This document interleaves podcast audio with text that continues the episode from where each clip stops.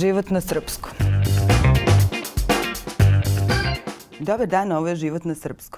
Ja sam Ana Kalaba, a moja gošća danas je umetnica Dea Đanković, široj publici poznata kao devojka koja je izvela žene usred Beograda da vrište i koja je napravila rakiju od sobstvenih suza. Pa, recimo da Ne, spominjem ova dva rada, mislim ne mhm. samo zato što su najsvežije, nego što su nekako, čini mi se, baš odjeknuli i obratili se i nekoj publici koja nije gledala tvoje ranije mhm. instalacije, nije, ne ide u galerije često. E, ajde da krenemo od burnouta. Mhm. To je onako baš dosta ispraćeno bilo. Vriš, žene, lude žene vrište po centru Beograda šta želiš da znaš u vezi burnout. Kako se tebi javila ta ideja? Šta je bilo okidač da napraviš jedan takav performans? Pa sobstveni burnout pre svega, koji mm -hmm. sam doživjela recimo pre dve godine i neko bilo je stvarno zastrašujuće iskustvo. Nisam u tom trenutku stvarno znala šta se meni dešava. Ove, ovaj, bilo je baš strašno i trajalo je, mislim oporavak kod burnouta je trajao dva meseca. Ovaj, tada sam počela malo dublje da istražujem šta je burnout, zašto se dešava, mm -hmm. kako se dešava. Uh, međutim, ono što me je navelo da napravim rad umetnički koji se bavi time jeste što vidim u alarmantnom porastu burnout oko sebe i pre svega kod žena. Znači, uopšte ne tvrdim da se burnout ne dešava kod muškaraca, ali s obzirom da je bes ili iskazivanje besa poprilično društveno uslovljeno, mislim da žene nemaju prostora da iskažu svoj bes. I da je to iskazivanje besa kod žena uglavnom stigmatizovano i da se uglavnom nekako kako da kažemo ovaj, odma označi kao histerična žena. Mm -hmm. Evo ti si rekla luda žena. Zašto je žena luda ako iskaže bes? Bes nije samo vrištanje. Sad mi naravno odma asociramo bes sa nekom vrstom agresivnog ovaj, um, iskaza na primjer, burnout nije jedini rad jer sam se ja bavila besom, tako da ne bih rekla da je vrištanje samo je, kao taj jedini ovaj, način da se bes iskaže, ali ovom, sa ovim radom sam žela da napravim nešto baš dramatično, ovaj, da ukažem na taj problem. E, zato što, kao što sam isto rekla ovaj, u prethodnim intervjuima i objašnjavala, znači e, taj performans nije bio zabranjen za muškarce. Ja sam pozvala žene može se vidite na snimku, na video zapisu tog performansa, nama se muškarci jesu priključili, na, možda ne na svima, ali mislim na poslednjoj lokaciji da je bilo baš dosta muškaraca. Tako da ja mislim da nisam uopšte pozvana da se bavim muškim iskustvom burnouta jer nisam muškarac, ne znam šta njima treba, ali ono što znam ove, u, toj, u tom društvenom konstruktu jeste da muškarci stvarno imaju uh, mnogo više prilike da u nekim javnim domenima iskažu tu emociju, pre svega od utakmica, saobraćaja, čak i na ulici. E, mislim da je to nekako dozvoljeno, a ženama nije. Mm -hmm. Zato sam upravo žela da kreiram prostor gde ta emocija može da se iskaže. Sada mislim da žene ovaj, generalno imaju dosta razloga da vrište ne samo zbog posla, već svih drugih društvenih faseta u kojim mi živimo. Znači, zato sam izabrala institucije koje sam izabrala, one su služile samo kao značitelji, jel te, ovaj, problema, ali mislim da su žene mnogo više izložene pre svega institucionalnom nasilju e, i mnogo više ovaj, problema. Mm -hmm. generalno, pogotovo u našem društvenom miljelu. Zato je nekako to bilo za žene. Mislim da nam je bilo potrebno uh, da je bilo jako oslobađajuće. Mislim, svedočeći ovaj, po reakcijama žena sa kojima sam svima i dalje u kontaktu. Aha. Tako da, ovaj, mislim, za mene je to bilo jedno jako moćno iskustvo i, ma, i zastrašujuće. Mislim, nije stvarno sve jedno da se izložiš na takav način. Ja takođe apsolutno nisam očekivala onoliku medijsku hajku. Ove, jer je taj open call staje otprilike nekih mjesec dana. Ja sam napravila kao neki landing page i pozvala neko žene koje znam, žene kojima se divim, pre svega koje su možda i umetničkim sferama, naravno bilo otvoreno za sve. Ali ja sam nekako slala i posegla i feminističkim organizacijama i fakultetima mhm. generalno mm -hmm. i ovaj, neprofitnim organizacijama. Znači na dosta strana sam pisala, slala ovaj, ljudima kojima sam mislila da to može da bude interesantno. Međutim, recimo neka je tri dana pred performans, znam da sam u tom trenutku završavala master, otišla na predavanje na Senjaku gde nema signala. Izlazim sa predavanja sat i po vremena kasnije, telefon se pali, kreće sve da eksplodira. Nemam koliko propuštenih poziva, poruka. Uopšte mi je bilo jasno što u tom trenutku mm -hmm. desilo. I onda su svi tako krenuli da zovu, da zovu, da zovu. ja sam stvarno ovaj, generalno bila jako anksiozna pogotovo ne znam, sat vremena pred performans, znam da sam onako peške htela da odem do Savskog trga i baš sam bila napeta. Uopšte mi nije bilo sve jedno. Generalno... Uh, A zašto? Mislim, Pa bila sam jako uplašena. Iskreno, zato što uh, velika je to odgovornost. Ne radim ja performans sama. Mm -hmm. Da mhm. sam ja radila performans sama, baš bi me bilo briga. Mislim, iskreno, ja snosim odgovornost za sebe ali tu je došlo stotinak žena za koje ja imam odgovornost. Mm -hmm. Znači ja nisam htela da se ikome išta desi. Ovaj, pre svega, um, na kraju se za taj performance prijavilo 176 žena. E, dosta njih mi je pisalo da odustaje zbog medija, da i ne žele da se eksponiraju na takav način. Jedna žena se dosetila pa je stavila masku na lice, što mi je bila super ideja jer nije tela da je neko prepozna. Tako da dosta njih je pisalo, ne mogu, zbog prirode mog posla ne bi da se pojavlja u takvom kontekstu na televiziji i tako dalje. Neke su odustali na licu mesta. Mm -hmm. Zato, mislim što je sasvim razumljivo jer bukvalno to je bio tako ceo zid, kamera, ja nisam mogla da verujem šta se dešava. Ove, tako da bilo je stvarno napeto. Mislim, u trenutku kada je performans krenuo, sve se preokrenulo, onda zaboraviš na sve, skroz si u trenutku, tako da je je sve to neko prošlo. Mm -hmm. Ali sam stvarno bila jako napeta zato što su mi tolika medijska hajka i ti pozivi, te poruke stvarno koje su bile ne, neprekidne, baš su me onako unervozili. Nisam navikla. Prvo nisam očekivala, ok, ja sam se ja nekako usudila da kročim u javni prostor, ali ja gla, uglavnom radim performans i volim da izvodim svoje radove u javnom prostoru, jer pokušavam da izbegnem taj institucionalni šum. Mislim da to daje neku drugu Aha. dimenziju radu. A ove, ovaj, generalno da, jednostavno nisam očekivala da će biti pa toliko to, ispraćeno, stvarno. To nije prvi tvoj radni koji angažuje uh, publiku, Naravno. a nije ni prvi koji se bavi problemima koje žena ima Naravno. u našem društvu. Apsolutno, mm-hmm. tako da ne znam, nešto je dotaklo žicu, mm-hmm. vjerovatno, u ovom radu, ali eto, ja nisam očekivala. Uh, baš sam onako bila napeta i nervozna, ja sam po prirodi malo onako nervozna i neurotična, ali ovo me je baš ovaj, ovaj, onako pomerilo s mesta.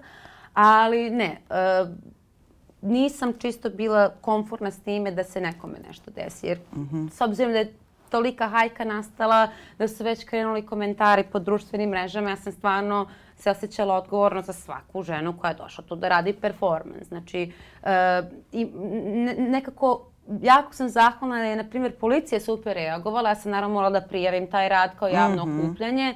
O, I to sam uradila već, ne znam, tri nedelje pred performans. Onda kad su oni isto videli šta se dešava, onda su me zvali. Tako da su stvarno na moje ogromno onako pozitivno iznenađenje bili, ok, poslaćemo mi neka kola na svaku lokaciju, ali da vam ne smetamo, stajaćemo mm -hmm. sa mhm. strane, tako sam tu imala neku vrstu, ok, e, ne, nekog olakšanja, ok, tu je, ako se nešto desi, opet tu je neka vrsta zaštite, ne za mene, nego za sve koje učestvuju mm -hmm. u mhm. tom. Tako da mi je u, u, na tom nivou dosta laknu, ali opet mediji sa svakom novom lokacijom su postajali nekako sve... Um, nasrtljiviji, Aha. ako mogu tu reč da kažem, zato što su bukvalno upadali u polje performansa. Znači jedno je ispratiti nešto, drugo je uzurpirati. E, ovo je krenulo uzurpiranje. Na prvoj lokaciji smo nekako imali prostora, pa smo um, formirale taj krug koji je totalno bio neplaniran, ali opet ja sam slušala žene koje su bile tu, e, njima nije bilo komforno da se nekako konfrontiraju ka kameri, već su me zamolile kao da li bismo mi mogla da se nekako mm -hmm. oformimo krug, da okrenemo leđa kamerama, ti stani u sredinu. Naravno da možemo, mislim, ako je vama tako konfornije, okej. Okay. Prva lokacija je bila super, međutim već na drugoj e, krenule su svađe, ja sad moram da se raspravljam sa ljudima, ne želim da dajem izjavu, to sam rekla svim novinarima, znači barem dok se ne završi performans, znači to je bukvalno prekidanje rada nečeg, znači ne želim da dajem izjave, uh, takođe kamera valjda ima zoom, Tako da ne moraju da stanu mm -hmm. uz se mene. Ljudima. Tako da nije bio problem sama, nego su se oni gurali sa ženama, bukvalno onako ne bili im kameru u lice. Baš je bilo nekako... Um, neprijatno. Ali to je naravno dalo još jednu dimenziju radu za koju sam ja zahvalna. Opet nisam planirala. Ovaj, a na trećoj već bilo onako najnapetije sa medijima Aha. koji su bili najbliže, ali uspjeli smo da izguramo rad. Znači uspjeli smo da sve to izvedemo, ali onako, kako da kažem, ja sam stvarno bila dosta napeta, nisam, jednostavno nisam bila u, u psihičkom stanju da dajem bilo kome izjavu. Znači taj performans se završi, ja sam onako, mi smo nekako imale taj katarzični zagrljaj, stvarno je bilo lepo je podeliti tako nešto s nekim, nije, mm. nije nešto se dešava svakodnevno da se razumemo. Međutim, odmah je bukvalno ovako, sa mikrofon mi upada u lice, ja se okrećem kao šta se dešava i kao daću ti izjavu, kao ne, ne, jednostavno nisam u, kako da kažem, mhm. u mentalnom stanju u ovoj sekundi gde sam sada vrištala sat vremena, Eh, sve vreme brinem da li će neko da nam upadne, šta će, da li će neko nešto da uradi, kako će ko da reaguje. Znači, stvarno ne mogu sada da dajem ja sam Dea, ja sam htjela da kažem, ovo jednostavno nije bio trenutak, tako sam na kraju stvarno, mislim, otišla sa lica mesta, jel te? I ovaj, e, baš je nekako bila medijska hajka. Da, ti si um, i posle nekako se isključila, nestala. Iz... Da, pa morala sam zato što stvarno opet nisam bila spremna na takvu vrstu ispraćenosti, nije mi prijela takva vrsta is... propraćenosti u medijima, jer ja nisam javna ličnost, nisam se smatrala nekom javnom ličnošću. Ovaj, a generalno baš mi nekako bilo e, teško da ispratim te poruke koje nisu bile ni malo neprijatne, znači da te neko baš targetira na taj način. Da, e, dosta ljudi apsolutno nije ni pročitalo ništa o tom radu. Mislim, 70% komentara je bilo što nisu otešle pred skupštinu da vrište. Ja sam bilo pa jesu, kao zašto niko nije pročitao ništa o tom radu. Mm. Ili neke stvari kao satanizam, šta god. Znači, apsolutno stvari da. koje nemaju veze sa ovim radom koji je bio umetnički performans. Tako da, ovaj, da, nisam bila spremna to da će ljudi da dele moj profil, da će da mi pišu svakakve poruke, svakakve stvari, da prete. Tako da bilo je nekako 3-4 dana baš eh, napeto, eh, ali ne, stišalo nekako, oh, zahvalna sam na tome. Da. da. Spustila se situacija, nešto drugo se desilo u medijima i svi su krenuli ka tome. Mislim, to je priroda medija, tako da ovaj, svi imamo kratki rok trajanja, kapiram. Nešto se interesantnije možda desilo. Ali si onda u sledećem momentu ponudila jedan drugačiji filter za stres kome se e, Srbi tradicionalno okreću. Kafanu si uvela u galeriju. Jesam, a sada taj rad je imao malo drugačiju trajektoriju zato što je e, meni ideja za taj rad, za tu rakiju zapala na pamet još u februaru. Mm -hmm. a, nekako ideja za burnout je, imala sam tu ideju još pre par godina. Ta, sada ona se nekako, ja sam sazrila, malo se promenila priroda tog rada pa sam ga izvela. Znači burnout je bio moj master rad mm -hmm. sa kojim mhm. sam ja završila master na novim medijima. A Suzovača um, je nastala, mislim, baš to. Prvo, inicijalno je bilo kao, u, igra reči, pošto piše i poeziju i generalno zanima me sama nekako konstrukcija reči. Suzovača mi je pala prvo na pamet i onda sam bila fascinirana kao wow, kako bi to mhm. bilo uopšte, da li je moguće napraviti rakiju od suza. Uh, ono što je mene zanimalo uh, sa kafanom i to što si spomenula, uvodiš kafanu u prostor uh, galerije. Um, pre svega um, moram da spomenem da je Monolog galerija gde inače i radim kao menadžer, koja je nova galerija koju su otvorili kustosi iz Berlina. Ovaj, nekako ima drugačiji koncept, oni sebe nazivaju narodnom galerijom. Mm -hmm. Ne mhm. znam da li bih ja mogla ovo da izvedem na velikom broju mesta. Oni su bili skroz otvoreni i može. Hoćeš rakiju za može. Hoćeš kafanu u galeriji, može.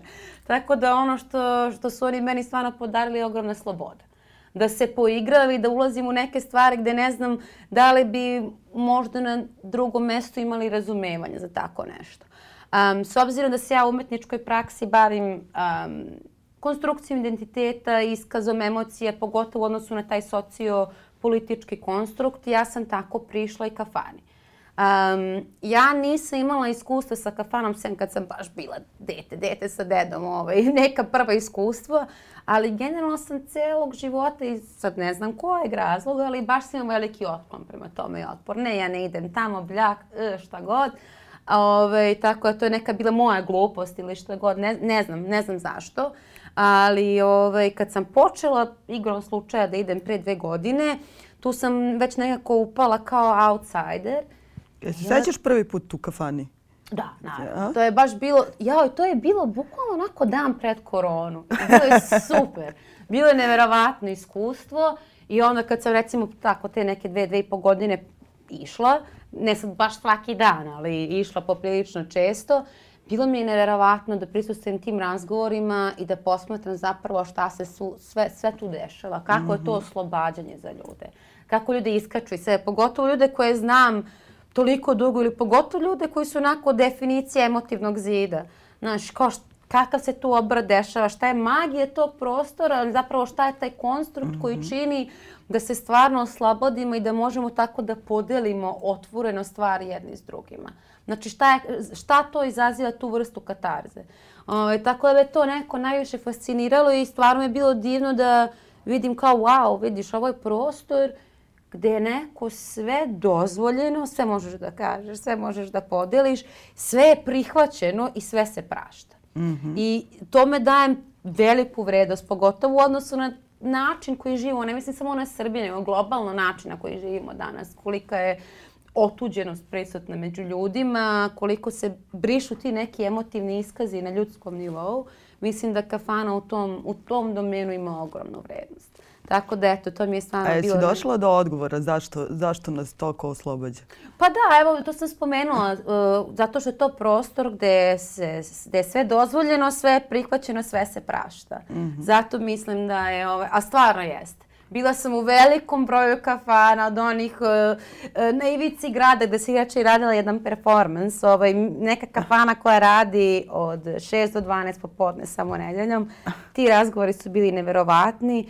Zato sam rekla, sve može da se kaže. Znači, ljudi tu, to je neka, bukvalno neka mešavina I tu je i muzika, tu su ljudi, tu, se, tu su razgovor, tu se da priča o životu. Znači, tu nema mm. nekih, ovaj, jaj, kako je vreme napolju, ne znam ni ja šta. Tu se odmah kreće onako otvoren, Šta je život, šta ko, mislim, kao šta ko radi, kakve probleme prolazima, sve okay, sve može da se reši. Ovaj, tako da, voljela bi da vidiš ovaj, taj um, performance. Jedan gospodin je sve, bukvalno, uh, imali smo samo razgovor, on je dao celu tezu Aha. rada. On je rekao sve objasnio mnogo lepše nego ja. Ove, ovaj, rekao je Kafare najbolji srpski doktor. Tako da eto, složila bi se s njim. Ove, ovaj, ali mislim da veliki deo toga isto ne može da se kaže rečima. Zato sam ja iz, izabrala, kako da kažem, da se vizualno izrazim, jel te? Ove, ovaj, kroz izložbu i kroz radove.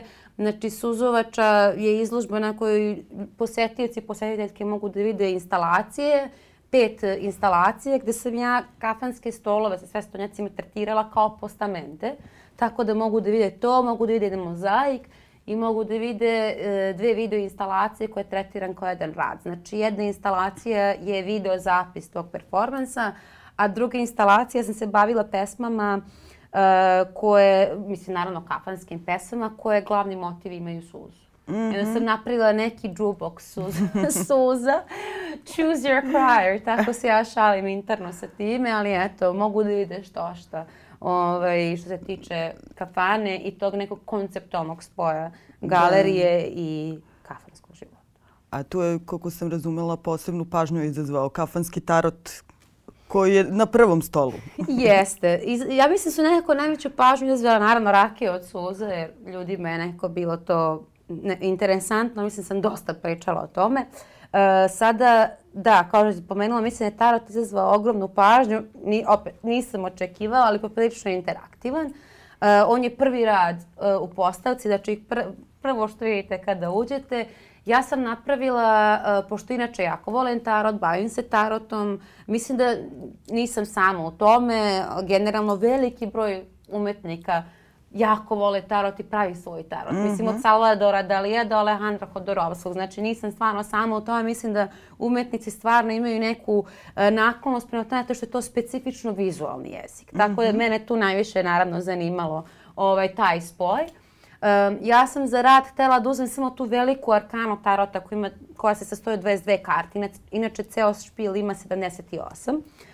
Ali ja sam tela da, ovaj, pošto sam celoj toj izložbi i cijeloj kafani jako ozbiljno prišla, znači to za mene uopšte nije bila naivna stvar, nego nešto što sam ja prišla kao neki mali štreberčić, jel te, neka antropološka studija kafane i krenula se bavim svim tim pesmama i svim tim ljudima, e, pevačima, pevačicama i onda sam videla neku sponu, jer svaka, mislim, tarot generalno, ajde, pogotovo te velika arkana, e, svaki mogu da se, svaka ta karta može da se sažme nekom krilaticom, nekom velikom istinom o životu mm -hmm. ili mhm. nekim velikim arhetipom.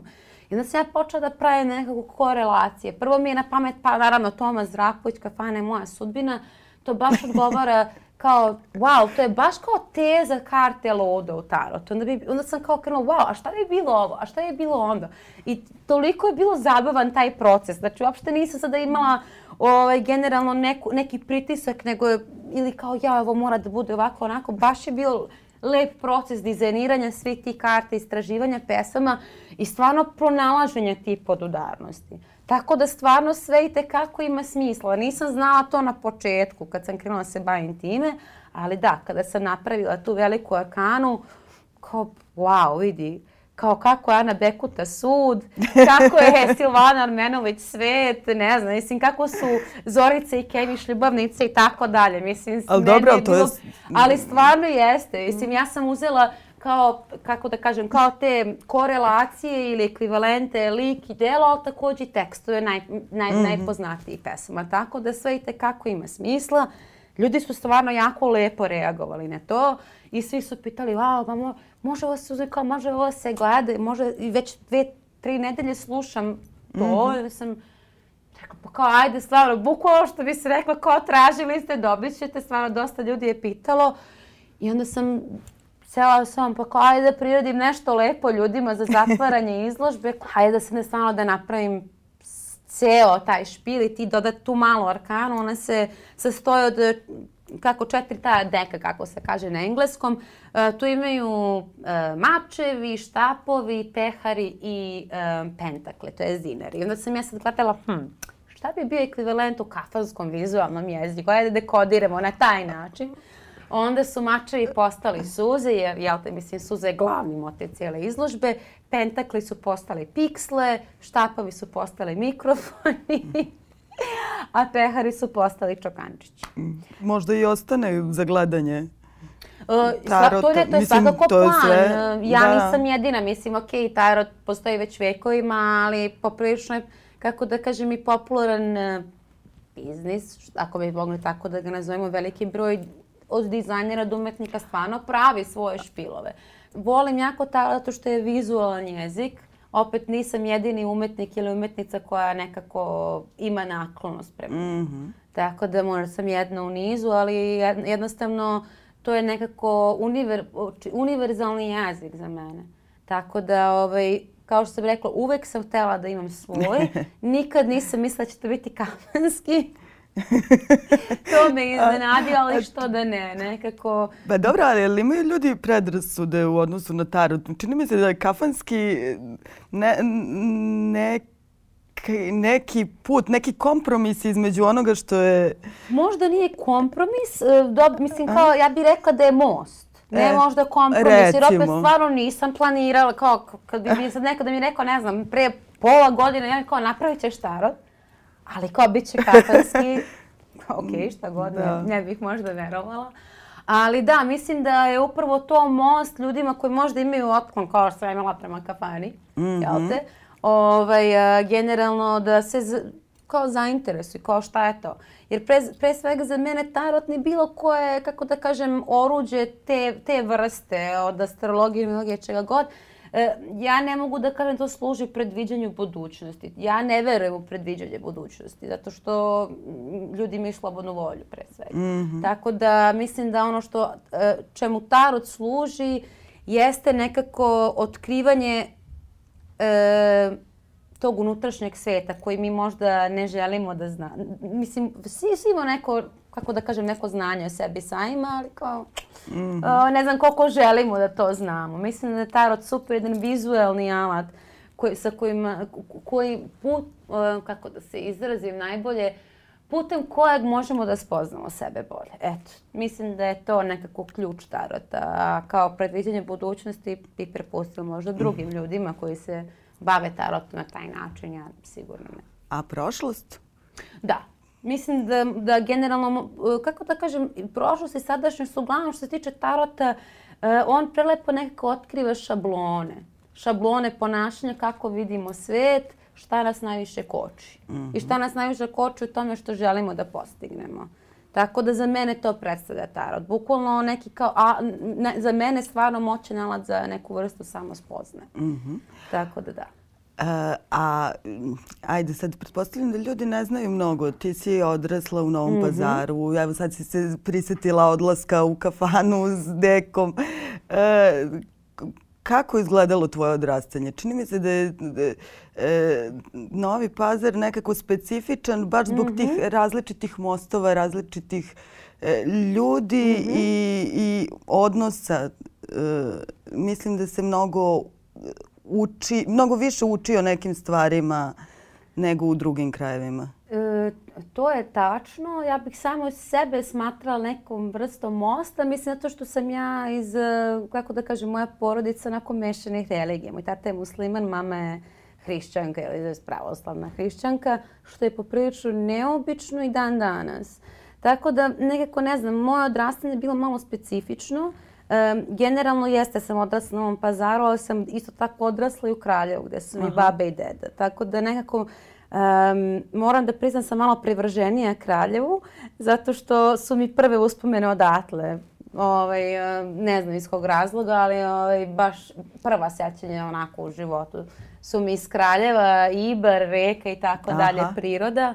Um, ali generalno odrastanju u takvoj sredini te nauči dosta, dosta tome. Pogotovo, kao što si rekla, tu ta vrsta neka mešavina dve kulture, dve religije nije baš možda nešto što se nalazi u drugim gradovima Srbije. Mm -hmm.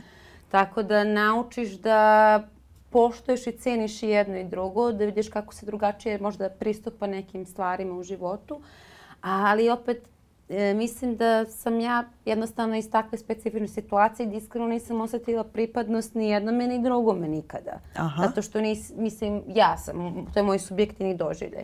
Mislim da, to, da uopšte nije slučajno zašto mene zanima identitet u odnosu na sociopolitički konstrukt, zato što moje pitanje identiteta nikada nije bilo, mislim, e, nikada nisam tela se identifikujem kao nešto. Meni je trebalo 27 godina da se identifikujem kao umetnica pre svega. Nikada se nisam osjećala konforno da se identifikujem kao bilo šta. Mm -hmm. Jer ne znam, možda e, se nisam dovoljno osjeć, osjećala muslimankom u Novom pazaru, a kad sam otišla u Kraljevo, ja nisam srpkinja, ja sam turkinja i tako dalje. Imala sam baš dosta ovaj, i konfliktnih i onako malo teških situacija, pogotovo ja sam rođena 91.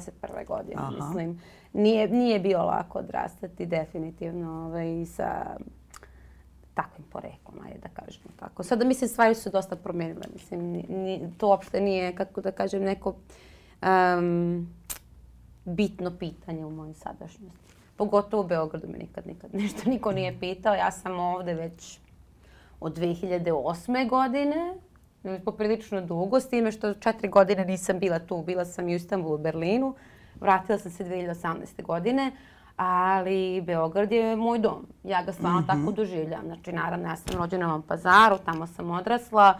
Um, isto Kraljevo doživljam, isto kao svoj rodni grad, kao da bukvalno imam dva, ali stvarno se kao kod kuće osjećam u Beogradu. To je moj dom. Mm -hmm. I koje su pitanja koja te sad uh, interesuju? Koje sad postavljaš Uh, eh, ja se i dalje itekako bavim emocijama. Trenutno sam na pauzi. ja to uvek kažem pa onda bude, ej, ajde da napravim performans ovim, ajde ovo, ajde ono. Uh, mislim da ću da napravim malu pauzicu da, da, da se čisto psihički i fizički odmori. Mislim da je ova godina bila preintenzivna za mene. Još, ja, ja još uvijek nisam onako uh, pro, nekako sama za sobom do kraja ovaj, um, skroz shvatila šta se to desilo sa burnoutom, šta se to desilo sa uzvoračom, zašto sam ja plakala pola godine, wow, zašto skupljam suze pola Zašto si godine. plakala pola godine? Pa, jednostavno, i zbog projekta, ali imala sam i neku vrstu emotivnog gubitka, zato mi je inspirisala da se bavim suzovačom i naravno skupljala sam svoje suze. To je tek bio proces. Ovaj. E, generalno, prvo nisam ni znala i jednostavno konverzacije koje sam imala sa mentorom, sa mastera i drugim ljudima, uh, um, koji su bili ubeđeni da to ne može da se uradi. Mm. ne možeš fermentisati suze, neće ti niko verovati, ima ne može se to napravi šta god. Ja sam bila jako uporna, ja sam skupljala svoje suze sa onom običnom pipetom iz apoteke i na kraju sam otišla u centar za hemiju gde su bili toliko predivni ljudi sa mnom. Ja mislim da imam jako mnogo sreće sa projektima ovaj, sa tim nekim institucijama. Uh, ja sam otišla par puta, oni su meni dali ne jednu nego dve formule da se napravi suzovača. Uh, Za drugu nisam imala, nažalost, vremena i mislim da bi zahtevalo saradnju s ozbiljnom destilerijom, mi treba ozbiljna mašinerija, onda fermentisanje suza u voću, to je stvarno proces koji tre, dugo jako traje. Ja sam bila u fazonu, možda se neko javi za limited edition, da se pravi, super. Ja sam ovaj, napravila suzavaču po toj prvoj formuli koju su mi dali, kao možda neka vrsta miksologije. Um, ja sam suzovaču napravila na bazi loze, inače sve rakije voćne se prave na bazi ili jabuke ili loze. E, I naravno pomešala sam lozu sa svojim suzama, sad neću reći tačno s razmjeru da nešto ostavimo tajno. Ove, ovaj, generalno oni su mi dali tačnu formulu i srazmjere uh, da se to napravi na način da je bezbedno da se pije. Mm -hmm. Sada e, suzuvača može da se popije, znači probali su i ljudi, ja se naravno pila. Pili su na izložbi, da, a? E, na vođenju. Na izložbi nismo, nisam mogla zbog bilborda ovaj, da, da služim, nije bilo dozvoljeno. Ali ja sam, naravno, to probala. Onda smo probali ovaj, na, pošto sam bila finalistkinja Mangilos nagrade na tom nekom intervju su naravno članovi žirija pili to kako da ne bi probali. Ali ja sam isto naravno prva onako degustirala da bi bila sigurna kao da je sve safe. E, meni su rekli institutu za hemiju da ne bi trebalo da se popije više od čašice. Mm -hmm. Ja sam popila malo više da vidiš će da se desi ništa strašno. Sam stvarno imala neku opaku glavobolju. Tako da, eto, ovaj, kogod je pio, dala sam pola čašice, svi su okej. Okay. Tako da, eto, bilo je fascinantna ta neka vrsta autokanibalizma da piješ svoje suze. Ali ako neka, što bi se rekla, I got over it, kad sam već par puta probala. O, ovaj, i malo je bilo čudno u početku, kao wow, ljudi piju Pa je li drugačiji nešto ukus? Ili li gorčiji? Nije, ali stvarno se osjeća, osjećaju se suze. Ja nisam, po, pošto je razmeram neću da kažem baš minijaturna, mala je s razmer mm. odnosu na rakije. Um, upravo zbog toga što suze i, rak, i taj alkohol imaju vrstu reakcije. Pa taj alkohol iz rakije bukvalno kreće da napada protein u suzama i da se napravi neka vrsta koagulacije. Ta, upravo zbog toga sad mora se pravi ta srazmena mm ovaj, koja čini da je bezbedno za, konzumaciju, ali uprkos tome stvarno se osjećaju. Mislim, stvarno, ne, ne, malo je slano, ne mogu to da Aha. da objasnim. Mislim, to su svi ljudi rekli, kao, malo se osjeća, ne, kao wow, stvarno se osjeća, ko bi rekao. Tako da, eto, ovaj, bilo je zanimljiv proces.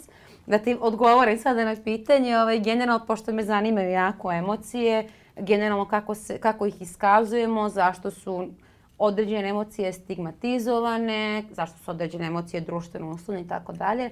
Mislim da će se moj, o, o, ovaj, dalje dalje, da, da će se moja dalje umetnička praksa i dalje baviti naravno time. Samo da ne otkrivam previše. Ovaj, neko psihički se spremam za taj rad, mislim da će da bude jako zahtevan za mene, ali bavit ću se time kako se lažno izazivaju emocije. Mhm. Mm Tako da to će da bude sledeći rad. Eto, neću otkrivati ništa više, ali ovaj, mislim da će time da se krećem da se bavim na jesen. E, pa super. Ove, I ja se radujem da to, to vidim. Čini mi se da ideš onako pa, iz onako, projekta biće u projekt. naporno.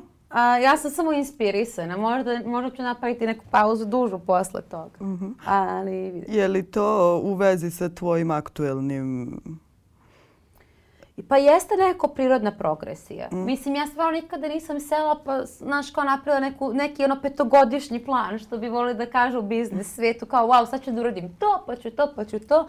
Neko krene jedan rad koji izrodi nešto sasvim drugo. Znači, od besa do plakanja, do sada isto mm -hmm. jedne, druge, jedne druge emocije, ali to, lažno izazvane.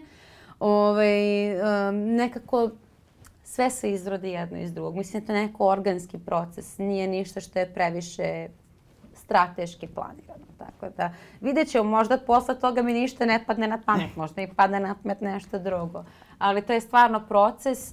Um, ja sam ove godine, mislim, poprilično bila stvarno inspirisana. Ne znam, mislim, e, u svačim životu postoje faze. Sada ja sam poprilično uh, E, kasnije u životu se osmelila da se bavim čime se bavim. Mislim da to ima jako veze. Zapravo sam sada kao krenula poprilično onako silovito u sve to, a što je, mhm. sam provela ne znam, 28 godina svog života ne radeći to iz nekog straha, um, nesigurnosti, čega god. Tako da kada sam se već onako osmelila korak po korak, mislim da ovaj, to je razlog zašto sve toliko intenzivno. Sada nisam opet planirala toliku propraćenost. Dosta kolega mi se, mislim, neću da kažem ne negativno kao smeje, nego mi kažu kao, pa jaj, pa kao moraš da nas naučiš šta je ne marketing. Rekao, mm -hmm. ovo nema veze sa marketingom, stvarno ne pravim radove odnosno da li će to da prođe dobro marketinški ili ne. Ali očigledno da tangira ljude. Hvala ti, Deja. Nema na čemu. Hvala tebi.